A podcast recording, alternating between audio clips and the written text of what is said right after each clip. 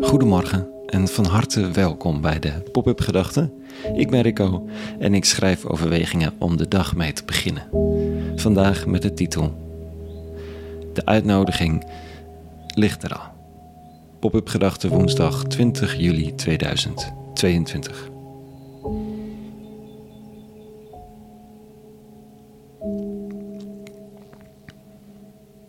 Vanochtend weer de pop-up gedachten van het eiland Lesbos, waar ik deze dagen verblijf, Griekenland.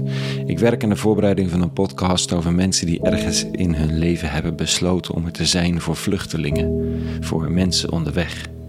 Als je besluit om een goede buur en naaste te, te zijn voor hen, dan brengt dat, zeker hier zo in de grenslanden, meestal de relatie met je andere naasten in gevaar.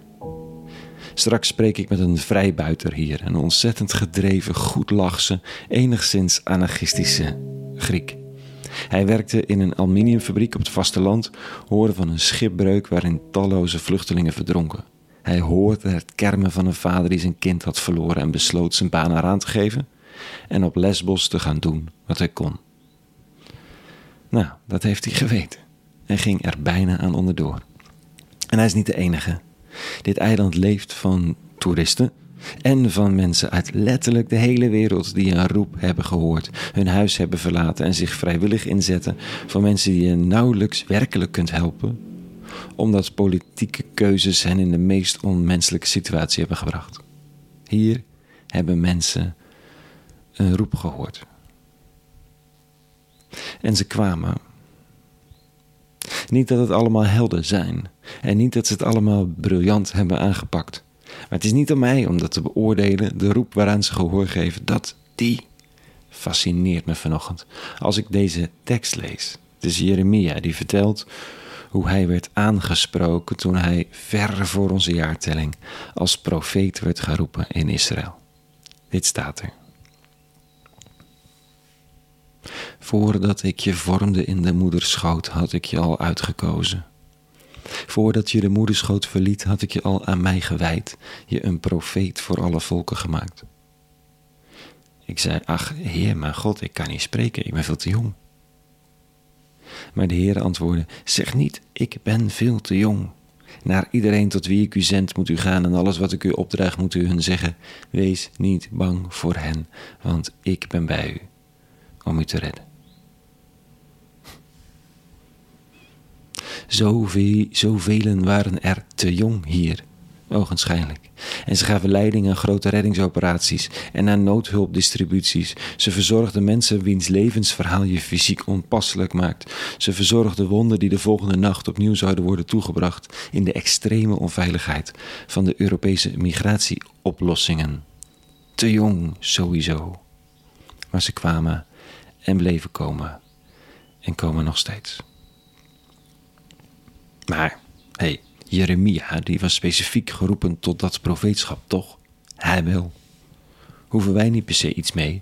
Niet iedereen wordt geboren in het huis van een oranje en hoeft zich te identificeren met zo'n onmogelijke levensroeping. Dat geldt misschien hm, wel voor teksten over de Oranjes en Amalia, maar niet per se over profeetschap.